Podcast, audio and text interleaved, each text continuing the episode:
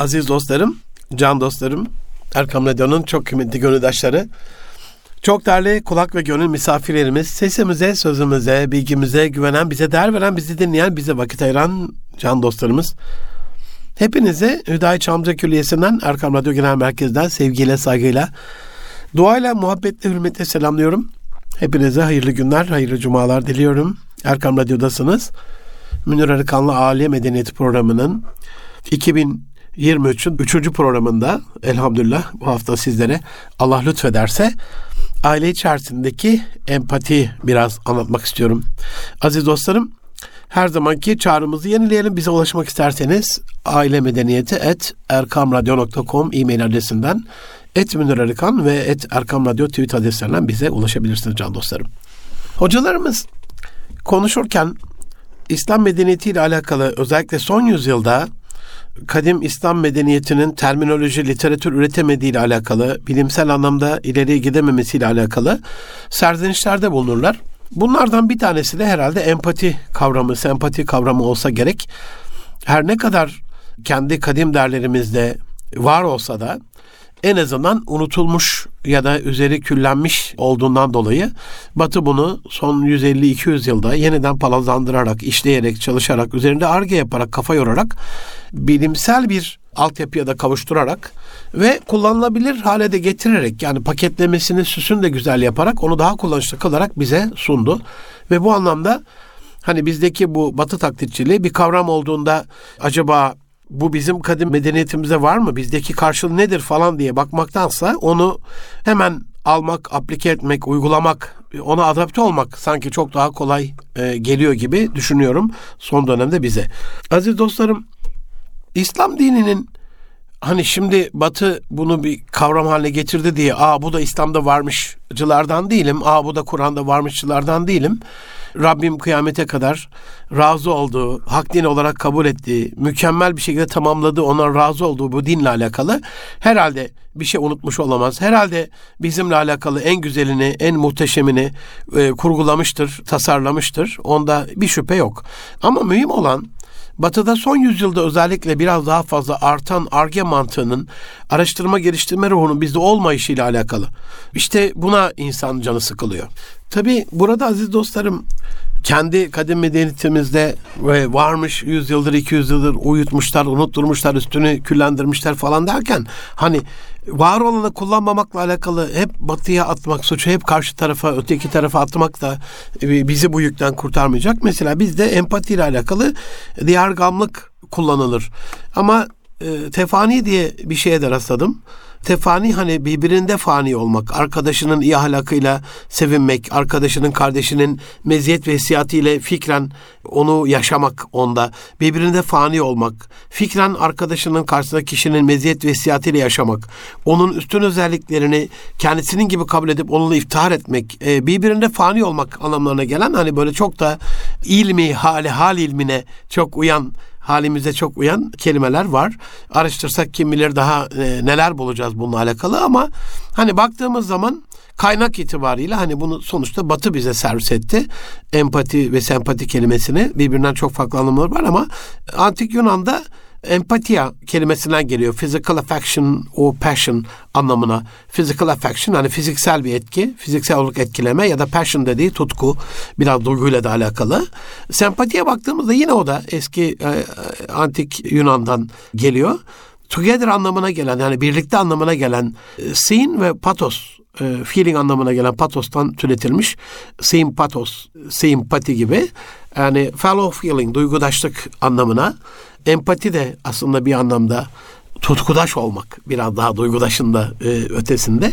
İki kişinin Hani birbirine karşı duyduğu içgüdüsel doğal eğilim denebilir. Doğal yakınlık duygusu denebilir. Duygudaş olma durumu denebilir.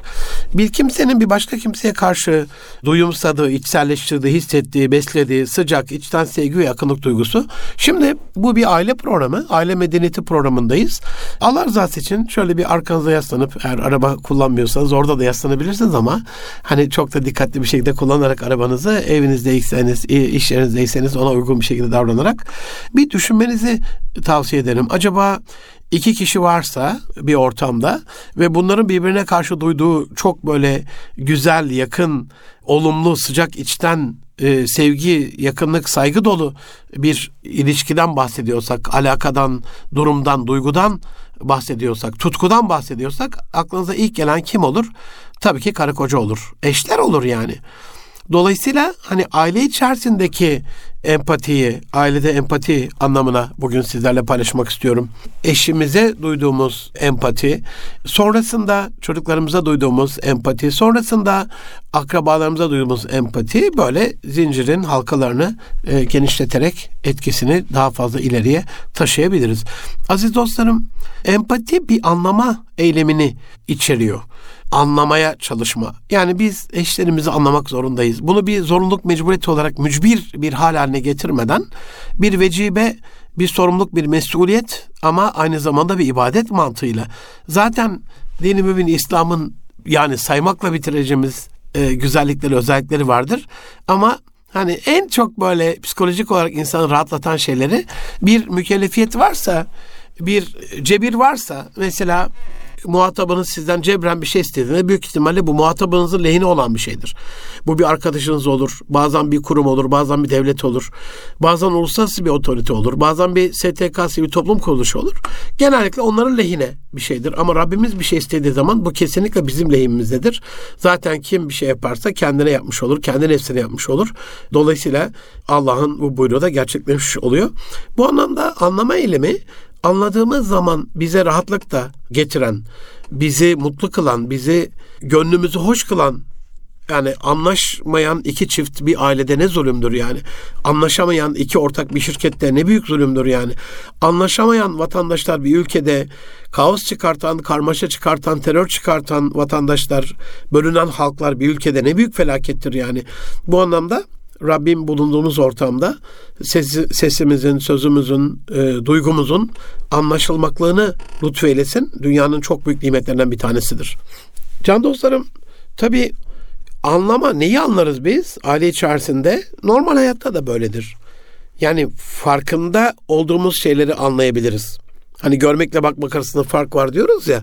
Bir insan şöylesine bakabilir ama o baktığı yerde maden mühendisiyle ziraat mühendisinin gördüğü şey aynı mıdır? Bir inşaat mühendisiyle bir bilgisayar mühendisinin gördüğü aynı şey midir? Bir sosyologla psikoloğun gördüğü aynı şey midir? Yani insan kendi müktesebatına göre, doluluğuna göre, uzmanlığına göre bakar. Bu anlamda farkında olma durumu eğer biz o yakınlığı kurmayacaksak, içten sevmeyeceksek, onlara karşı o sıcak bir duyguyu beslemeyeceksek niye evleniyoruz ki zaten? Yani bu dünyada helalinden en fazla bu olumlu duyguları besleyeceğimiz, büyüteceğimiz, yeşerteceğimiz kişi demektir. Karımız, eşimiz, hanımımız. Bu anlamda ilk farkında olacağımız kişidir. Ya da bundan sonra hep farkında olacağımız kişidir. Gözünüzün gözünün feri sönmesin diye, gözlerinin feri sönmesin diye, duygu durumu daha kötüye gitmesin diye, psikolojisi e, dumura uğramasın diye, hali vakti hep yerinde olsun diye, bizle alakalı umudu yeşersin diye onun farkında olduğumuz bir kişidir eşimiz. İşte empati eğer geliştirebiliyorsak onu anlamamız aynı zamanda onun farkında olmamızı gerektirir. Peki e, anlamaya çalışma çabamızda onun farkında olduk. Peki öyle mi? Aa senin bugün üzgün olduğunu biliyorum. E ne var bunda? Üzgünsen üzgünsün mü diyeceğiz eşimize haşa. Empatinin içerisinde ona karşı hassas olma hali de vardır. Yani hassasiyet gösterme. Hassasiyet nedir? Mesela ben çocukluğumda yanımda çok sigara içilmesinden dolayı alerjik astıma düçar kalmış bir kardeşinizim. Elhamdülillah. Epey bir açtığım gibi şifa oruçlarından oruçlarından sonra ama hala belli ilaçlar, spreyler kullanıyorum zaman zaman. Bu anlamda yani birisi benim yanımda, çevremde, bölgemde sigara içtiğinde bir yerde eğer parfüme karşı, toza karşı, sıcağa soğuğa karşı aşırı hassasiyetim oluşabiliyor. Bazen çok acı bibere karşı bir alerjim oluşabiliyor. Belli alerjik durumlar var. Yani alerjik astımının dışında da insanların hani bünyesi alerjik oluyor. Dolayısıyla onlara karşı bir hassasiyet. Yani bir insana nasıl ki alerjik bünyesi dolayısıyla ona karşı hassas olduğu şeyler ortama girdiğinde bir reaksiyon gösteriyorsa teşbihte hata olmaz. Tabii ki oradaki reaksiyon olumsuz manada terleme, kızarma, hapşırma, burun akıntısı halinde oluyor. Ama bizim eşimizi anlayıp farkında olup anlıyorsak ona karşı hassasiyetimiz halden anlamak diye bir şey vardır ya kendi kadim derlerimizde. Halden anlayan bir adam olmak, halden anlayan bir insan olmak aynen onun halinden anlayan bir hassasiyettir. Üzgünse onunla üzülebilmek, sevinçliyse onun sevincini artırabilmek, bir ilgi bekliyorsa ilgilenebilmek, bir ihtiyacı varsa onu görebilmek, bizden bir beklentisi varsa onu boş çıkartmamak. Hani her zaman söylüyorum Müslüman karşısındaki şey kendini kötü hissettirmez yani. Onun yerin dibine geçmesinden sevinmez. Onun yerin dibine geçtiğinde üstünde tepelenmez. Onun yok olmasından kendi baki kalmaz. Asla böyle bir şey olamaz. Yani insanları cehenneme götürerek cennet böyle bir kazanç çok çok mantıklı gelmiyor bana. Eşlerimiz, çocuklarımız, ailemiz, anne babaların üzerinden. Yani benim bugüne kadar 55 yaşında bir kardeşinizim. Kime karşı Rabbimin huzurunda? İnşallah mahşerde de bu şekilde haşrolunuruz. Kime karşı? Hani benim alacağım varsa üzerimde bütün haklarımı ben helal ediyorum herkese. Bugüne kadar bana çile çektiren, acı çektiren, zarara uğratan, bilerek bilmeyerek her ne türden zarar uğratan birisi varsa ben zaten bütün haklarımdan feragat edip Rabbime havale etmiş ve onun mahşerde boynunu bükerek Rabbim bugün konuşma senin sıran. Yani biz fani ömrümüzde hep konuştuk. Kötü kötü sözler söyledik, haram sözler söyledik, çirkin işler, çirkin fiiller, günahlara bulaştık. Dolayısıyla bugün sana karşı ağzımızı açacak bir şeyimiz yok. Bugün senden başka bir kurtuluş da yok. Dolayısıyla boynumu bükerek orada hakkın tecellisini ama rahmetiyle tecellisini. Çünkü hak adaletle tecelli ederse zerre alacağımız kalmaz onun huzurunda. Ama sebakat rahmeti ala gadabi buyruğuyla onun rahmeti gadabını açtığına göre gazabından rahmetine ondan yine ona sığınarak o gün boynumu bükerek Rabbim konuşma sıra senin huzuru ilahideyiz. Bizim bir kul olarak ağzımız açacak halimiz var diye böyle beklemek murad ediyorum. O şekilde olmak istiyorum. Bu anlamda ben benim üzerimde hakkı olan herkes hakkımı helal ediyorum. Bir şekliyle bu mikrofonlardan sesimi duyan, bu duyduğu sesi duymayanlara da ulaştıran bütün dostlarımdan da illaki benim hakkımda sizin üzerinizde vardır. Size e, yanlış bir şey söylemişimdir, bilmeyerek kırmışımdır, üzmüşümdür, sürçülisan etmişimdir, zülfiyare dokunmuşumdur. Ben uygulamadığım bir şeyde bilerek bilmeyerek size anlatmışımdır. Lime tekulle melet yakmasın bizi. Bu anlamda her zaman söylediğim gibi sizden de haklarınızın helalliğini istirham ediyorum aziz dostlarım. İşte bu bir hassasiyetin sonucunda olması gereken bir şey. Yani biz birbirimize karşı hassas olduğumuzda da birbirimizi böyle bekletmeyiz, tökezletmeyiz, yanık bırakmayız. Halden anlamak yani. Duygu, düşünce ve hisle karşıyı anlama deneyimi ise bu empati biraz da öyle olabilme sanatıdır. Yine İslami derlerimizde, kadim milletimizde vardır anlayışlı olabilme. Anlayışlı deriz ya birine.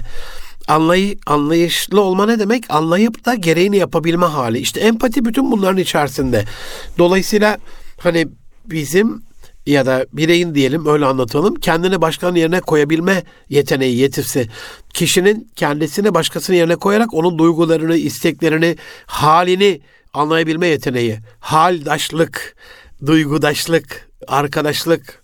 Aslında anlaş olma diyebilirim ben bunu. Anlaşma dediğimiz şey eğer anı anlamak, aynı anda olmaksa buradan yola çıkarak empatik davranış karşımızdaki kişiyi anlayarak onun neler beklediğini, bizden neler istediğini, evet evladım seni anlıyorum ama bizim zamanımızda böyle bir şey yok dediğiniz zaman o reddedilen yavrucakta oluşan duygu sizinle aynı duygu olmuyor.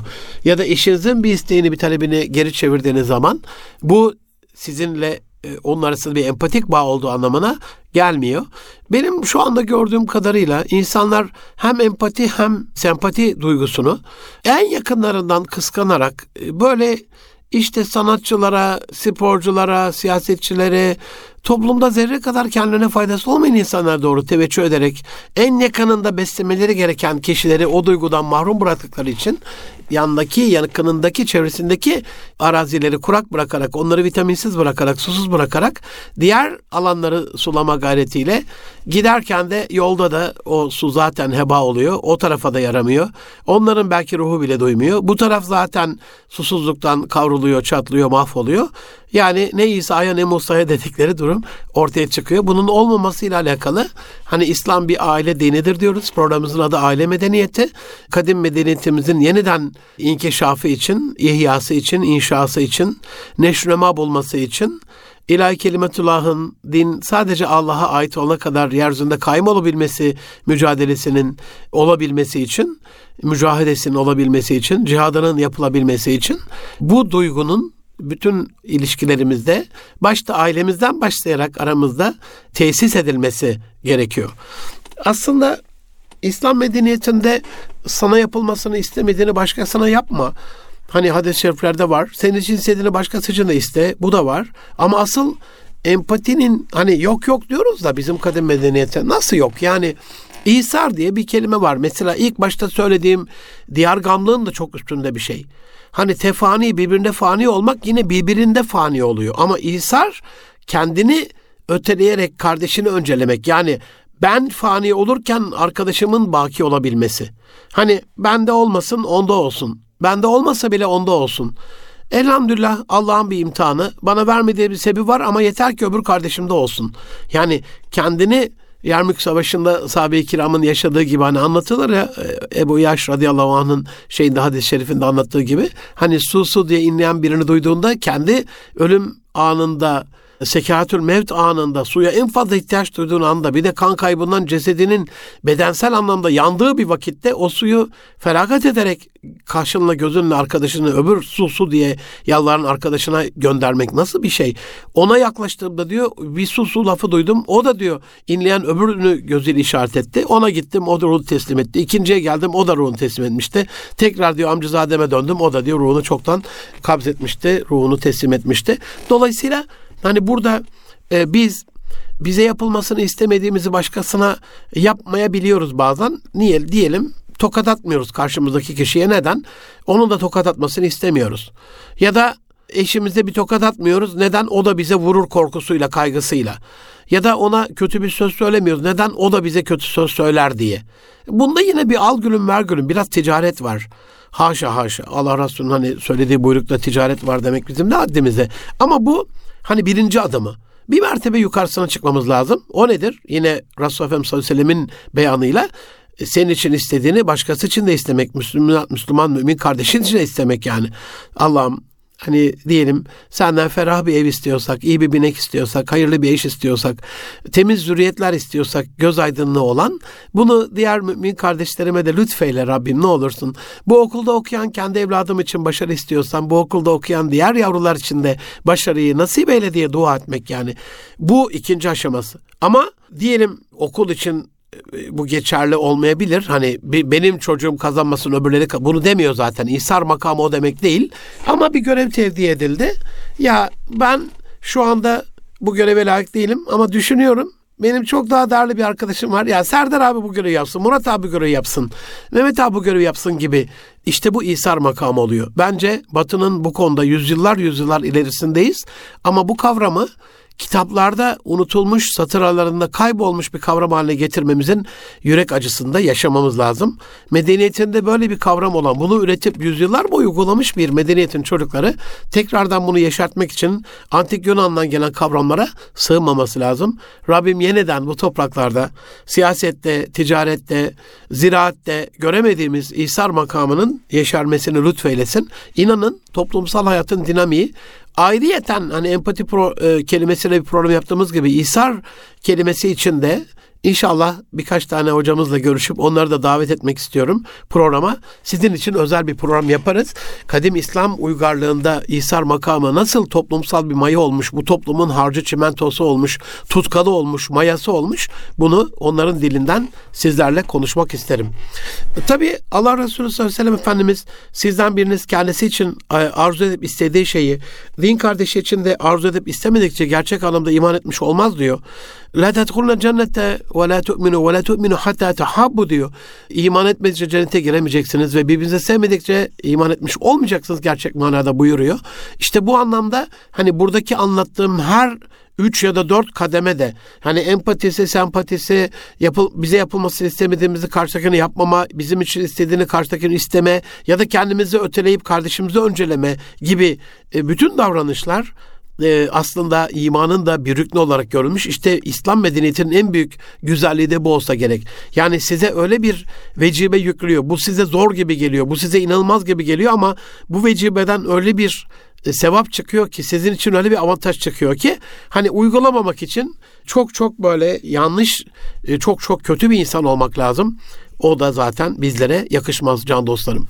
Aziz dostlarım Erkam Radyo'nun çok kıymetli gönüldaşları tabii bu bir aile medeniyeti programı ve böyle deyince de hani aile İslam medeniyetinin en büyük dinamiklerinden bir tanesi Avrupa'da nasıl yıprandığını, yok olduğunu, LGBT dayatmasıyla karşı karşıya günden güne eridiğini, aile kavramının nasıl böyle tefessüh ettiğini görüyorsunuz.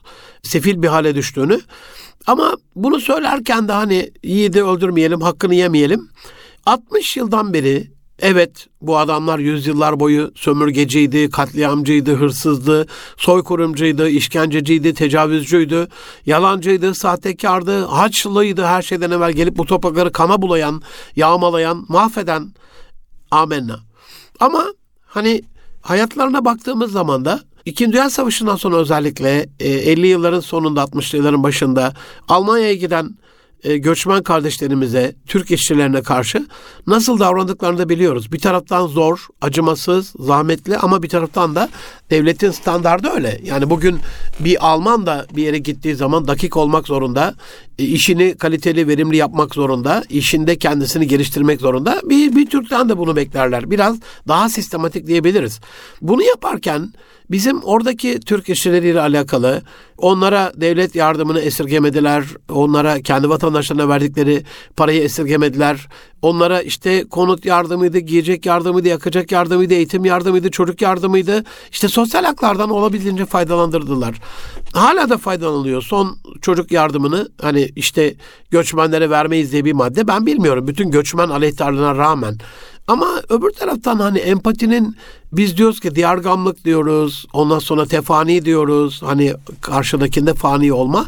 Ama bize gelen göçmen sığınmacılarla, mültecilerle, garip kureba, muhacir kardeşlerimizle alakalı yeteri kadar ensar olabiliyor muyuz?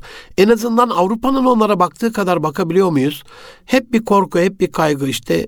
Siyasi söylemlere bakıyorsunuz iktidara gelirsek şöyle olursa böyle olursa seçimi kazanırsak işte ilk şuna dokunacağız, ilk şunu mahvedeceğiz, ilk şundan hesap soracağız, ilk şöyle bir şey yaparak bunları kendi ülkelerini def edeceğiz falan.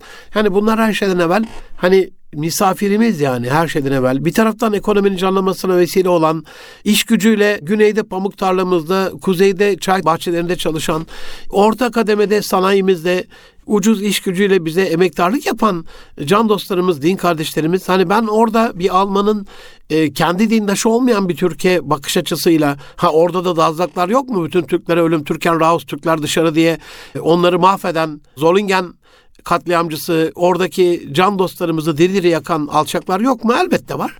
Ama geneline baktığımız zaman hala akın akın Müslümanların Akdeniz'i ölüm gölü yaparak oradan geçme çabası da kendi ülkelerinde bulamadıkları rahatı orada buldukları için ekonomik şartlar itibariyle onların sağladığı imkanlar itibariyle hani o empati duygusu orada daha fazla gelişmiş gibi görünüyor.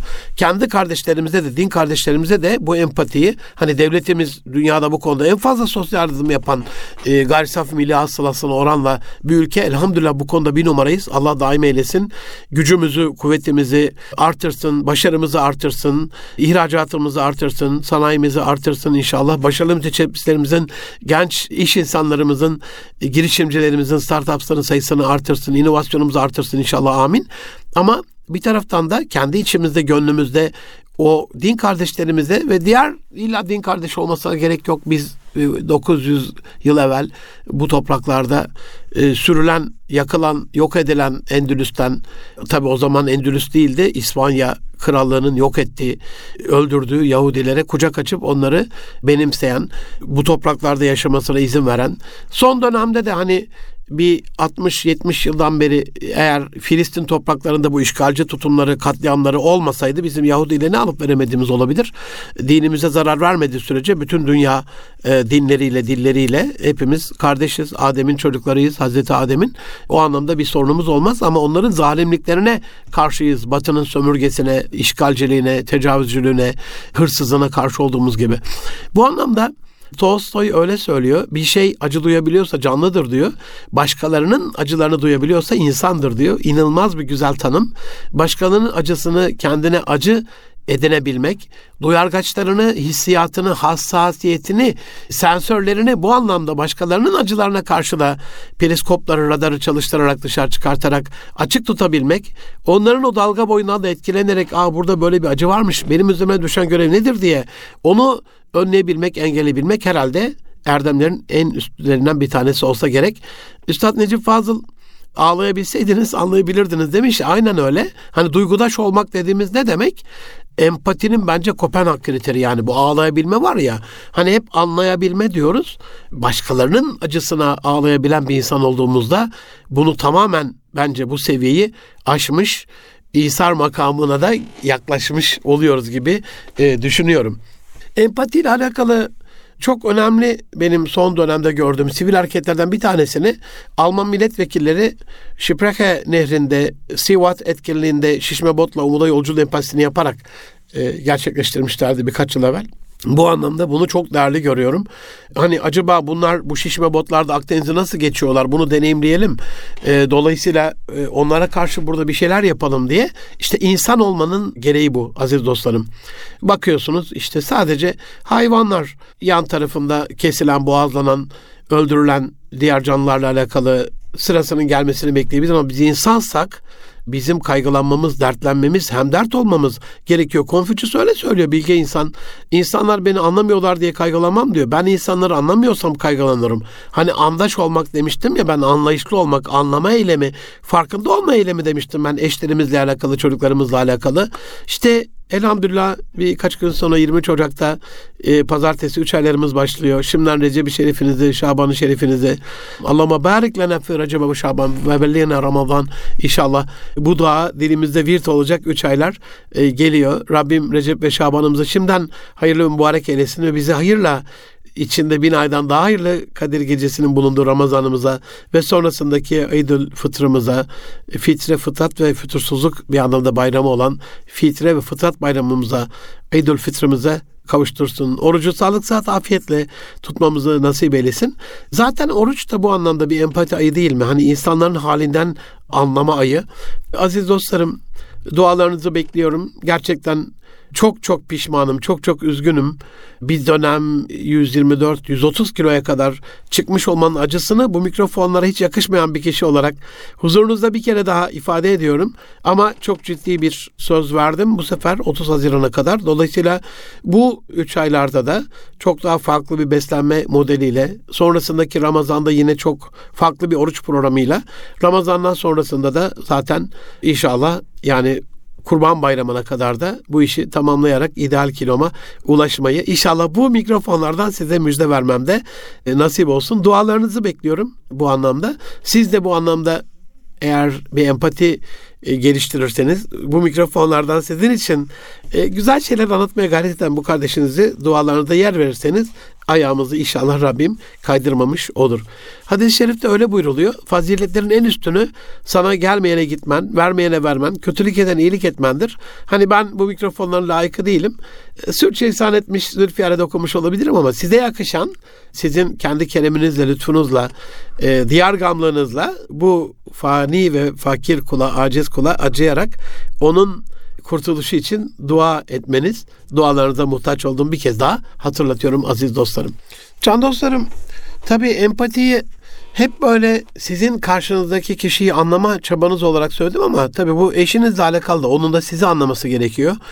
Onun da kendi yerine sizi koyması, sizi düşünmesi, sizinle duygudaş olması gerekebiliyor. Her zaman söylediğim gibi kişi olumlu duygularının eseri, olumsuz duyguların eseri olmadıkça hep kazanır. Bu çok net bir kaydedir.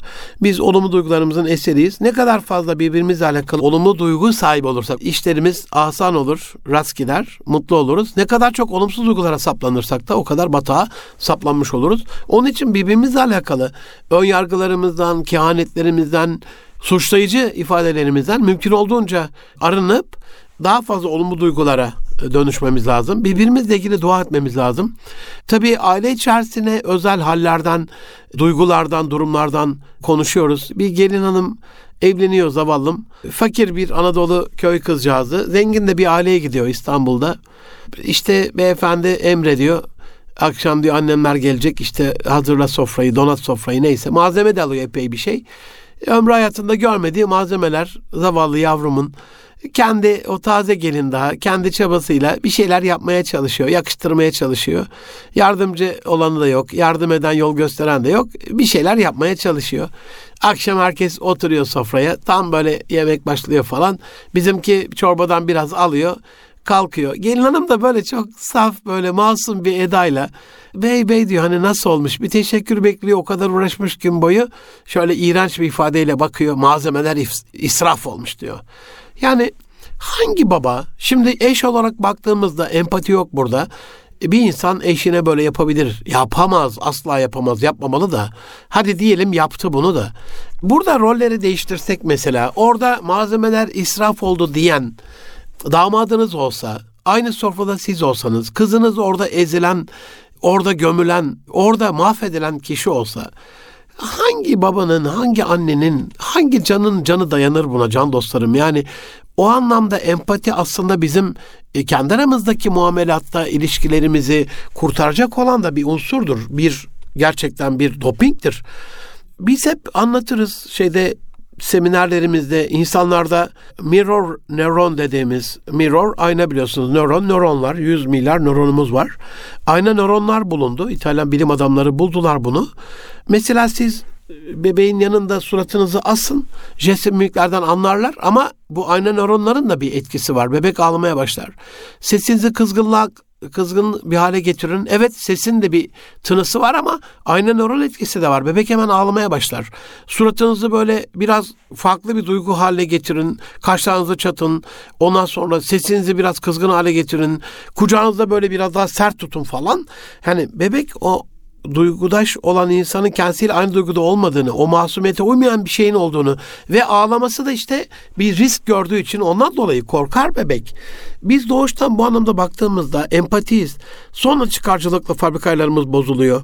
Yani bir anlamda tabii bunu söylerken de Afrika'yı e, köle ticaretiyle esir alan sömüren Batı'nın Avrupa'da Afrikalı kardeşlerimiz için hayvanat bahçesine benzer insanat bahçeleri koyup izleyen insanlıktan yoksun olanlar şimdi utanamayan LGBT ile sapkınlığın dibine boylayan Allah muhafaza o insanlardan hani biz böyle övgüyle falan bahsedemeyiz ama yaptıkları güzel şeyler olduğunda da hani hikmet mümini tıkmalıdır nerede bulursa alsın tavsiyesi uyarınca hani bir güzellik gördüğümüzde de almamız gerekiyor diye düşünüyorum.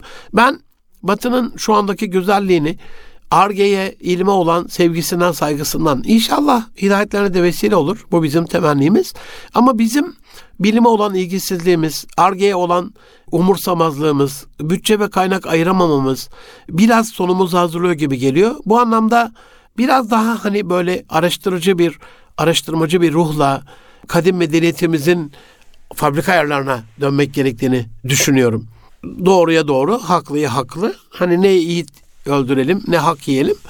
Bir zamanlar evet hala devam eden sömürgeleri var. Yani son dönemde çarşamba günü konuştuk Altuğ Bey'le Birinci İkinci Dünya Savaşı niye çıkartıldı? Yani tamamen enerji kaynaklarında Osmanlı'nın coğrafyasına çökmek, e, tamamen Batı'nın enerji ihtiyacını paylaşmak adına gelip bu topraklarda onlarca devlet kurarak Osmanlı'yı tökezlettiler.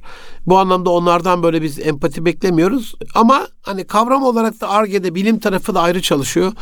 E, onların da bu kavramlara kaynak aktardığını, bu kavramları oluşturmakla alakalı bilimsel argı yaptıklarını da söylememiz gerekiyor. Aziz dostlarım, empati duygusunun içerisinde bir miktar sosyal sorumluluk da var. Yani sadece eşimizle alakalı, ailemizle alakalı bir şey değil. Empati sos, so, toplumsal sorumluluklarımızla alakalı da bir, bize bir görev vecibe yüklüyor. Dünyaya karşı sorumluluklarımız var. Doğaya karşı sorumluluklarımız var. Suya karşı, çevreye karşı, geleceğe karşı, gelecek kuşaklara karşı, dünyaya karşı bir sorumluluğumuz var. Bu anlamda Hani e, filozof Schiller'in söylediği gibi hayat kazandıklarını harcayarak hayatın devam ettirebilme sanatından ziyade verdiklerinle yepyeni hayatlar başlatabilme sanatı Elon Musk çocukluğunda çok büyük hayır sanat işleri yaptığını söylüyor. Göçmen bir aile, biraz daha böyle halden anlayan bir şey. Richard Branson annesinin bir tas yemeği götürmesinin yandaki komşuya e, bir vecibesi olduğunu söylüyor. Bu ne zaman bir zorunluluktu diyor. Bu ne zaman sorumluluğa evrildi diyor. Yani bizim için bir zorunluluktu bu diyor. Zorunlu hissetmek işte işte orada empati orada devreye giriyor zaten. Bizim onunla o bir tas çorbayı komşumuza götürmekle ilgili kendimizi mecbur, mücbir hissetmemiz asıl empati geliştirmek. Öbür türlü hadi bu yıl sosyal sorumluluk bütçesinden bir şey yapalım gibi. İşte Amerikan şirketleri geliyor. Topkapı Sarayı'nı temizliyor. Osmanlı mezarlarını temizliyor. İşte Darülaziz'e geliyor. Küçümsemiyorum. O da bir hizmettir. Yaşlarını tırnağını kesiyor. Banyo yaptırıyor. Saçlarını tarıyor. Onların içerisinde çok çok gönlü güzel, iyiliksever insanlar da var. Ama hani insan bir de şöyle düşünüyor yani empati olsa Darülaziz'e diye bir yerimiz olur muydu yani? Adına da bir huzur evi demişiz. Nasıl bir huzur olur orada? Anneden babadan ayrı, evlattan ayrı, torundan ayrı. Bilmiyorum. Ama son dönem devlet teşvikleri konutla alakalı olan bütün projeler gelecekle alakalı ümitlerimi biraz daha tökezletiyor. Hani böyle olmaması gerekir diye düşünüyorum. Bunu sosyologlar, psikologlar, e, din uleması, alim insanlar bir araya gelip konuşarak nasıl bir Müslümanın sosyal çevrede olmasıyla gerek olması gerektiğiyle alakalı, nasıl bir toplumsal iletişim ve ilişki içerisinde olması gerektiğiyle alakalı, mahremiyetle ilgili setinin görüntüsünün görünmesi görünmemesiyle alakalı nasıl bir konut projesinde ideal bir yapı olur? Ben bugüne kadar 55 yaşındayım. Böyle bir hassasiyet görmedim, duymadım. Ayrı bir program yaparız. Hani sosyal sorumluluk konuşuyoruz. Empati geliştirmekle alakalı. Ama hep anlatılır hani küfran nimet olmamakla alakalı, nimete küfretmemekle alakalı, nimetin kadri kıymetini bilmekle alakalı. Ondan sonra Rabbin nimetlerini yıkadığımız işte bulaşık atıklarımızla tuvaletin pisuar giderleri aynı yere gittiğinde o şehrin bereketi kaçıyor. Yani konutla alakalı da çok hassas davranmamız gereken.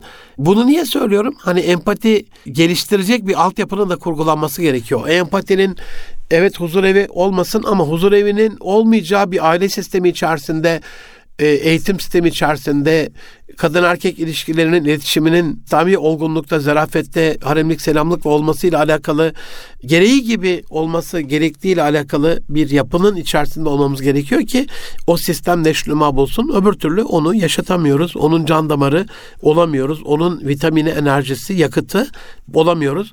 Bu anlamda Hani şerefül mekan bir mekine amenna. Hani mekanların şerefi elbette sakinlerinden gelir can dostlarım. E, sakinleri o mekana şeref katarlar ama aslan da yattığı yerden belli olur canlar. Bize uygun, bizim medeniyete uygun. Yani niye biz hep işte Amerika'nın ödül almış, Avrupa'nın ödül almış, Japonya'nın ödül almış. Hani güvenli yapıysa bu Müslümana en layık olan yapı değil midir yani? Depreme dayanıklı yapı diyorsak Müslümanın yapması gereken bir yapı değil midir? Hani 10 yılda bir, 20 yılda, 30 yılda, 40 yılda bir belli depremlerle ya da yıpranmalarla yıkılacak bir yapı yapmayı mı emrediyor Rabbimiz? Yani inna Allah Teala yuhibbu iza amile ahadukum amelen yutkunehu hadis-i şerifi nereye koyacağız? Allah sizden birinin bir amel yaptığında e, onu sağlam yapmasını, kaliteli yapmasını, güzel yapmasını, itkan makamında bir iş istediğini Allah'ımızın bizden bilmiyor muyuz yani? Neden bir dönem 150-200 yıl evvel çok fazla da değil yani ne yapılıyorsa bu topraklarda en iyisini yapıldığı şu muazzez topraklar neden bugün dünyada nereden anlıyoruz en iyisini yapamadığımızı? Hani en iyisini yaptığımız şeyleri çok iyi anlıyoruz. İHA'lar, SİHA'lar, DİHA'lar, ondan sonra roketler, özellikle helikopter, hürkuş uçağı gibi uçaklar, dronlar, şimdi inşallah çezeliyle uçan arabalar füzeler, hava savunma sistemleri yani savunma sanayinde akla hayale gelmedik üstün başarılar var. Rabbim her zaman yardımcıları olsun. E, emektar olan bütün dostlarımızın yar ve yardımcısı olsun. Dualarımızdadır her zaman. Baş tacımızdır. Her kim ki bu ülke için zerre kadar bir şey yapıyorsa bu anlamda demek ki hani bir çabaladığımız zaman katma değeri en yüksek ürünler yapabiliyoruz. Bu topraklar yeniden küllerinden doğan Zümrüt Anka gibi nice Selçuk bayraktarlar yetiştirebilir, geliştirebilir. Kendimize inanmamızla alakalı. Hani empati geliştireceksek karşıdakinin duygusunu anlamayla alakalıydı ya. Şimdilik böyle bir ara vererek gelecek haftaya bırakayım. Programın ikinci yarısında inşallah bitiririz. Gelecek hafta kaldığımızdan devam ederiz ama yani kendini de anlayan bir insan olması lazım insanın. Önce kendini anlaması lazım ya da hemen Arife Nefse Arife Rabbe yola çıkarak insan önce kendini anlayarak kendiyle duygudaş olup, andaş olup, anlaş olup, empati kurup kendisiyle bununla ilgili bir sempati kazanıp, kendine inanıp, kendine güvenip öyle yola çıktığında çok daha e, üstün başarılara Rabbimin izniyle ulaşacaktır. Kendisi muhanete, muhanet bir de nerede kaldı kendine ganimete de hep başkasını anlamaya çalışan, hep başkası için fani olan, hep başkası için çabalayan insanlar. Kadim medeniyetimizde örnekleri çoktur. Amenna başımızın tacıdır ama insan olarak da Hani biz kendi nefsimizi korumaktan da mükellefiz. Bu anlamda birlikte en iyisidir. Birlikte formülü en iyisidir. Hani ne kaybet kazan, ben kaybedeyim sen kazan. Ne kazan e, kazan, sen kazan, ben kazan ama üçüncü kişiler kaybetsin. Ne kaybet kaybet, ne kazan kaybet. Ama en uygunu Stephen Covey'in dediği gibi kazan kazan kazan. O gerçi üçlü kazan demiyor, ikili kazan diyor. Üçlü kazanı da gariban kardeşiniz ortaya koyuyor. E, iki kişi kazanırken ortamda olmayan üçüncü kişilerin de kazandığı bir sistem kurmak mümkün. Rabbim bu tarz e, bir sistemi kuranlardan, bunu çalıştıranlardan eylesin. Kendine güvenenlerden eylesin. Bunu kendine güvenini böyle bir enaniyet korur, kibir yapmadan başkası için kullanan, başkasını anlamada bir yakıt olarak bunu kullanıp hayırlı işler yapanlardan eylesin. Yeniden üç aylarınızı tebrik ediyorum. Gelecek hafta inşallah programın ikinci arasında görüşmek üzere. Hoşçakalın. Allah'a emanet olun can dostlarım.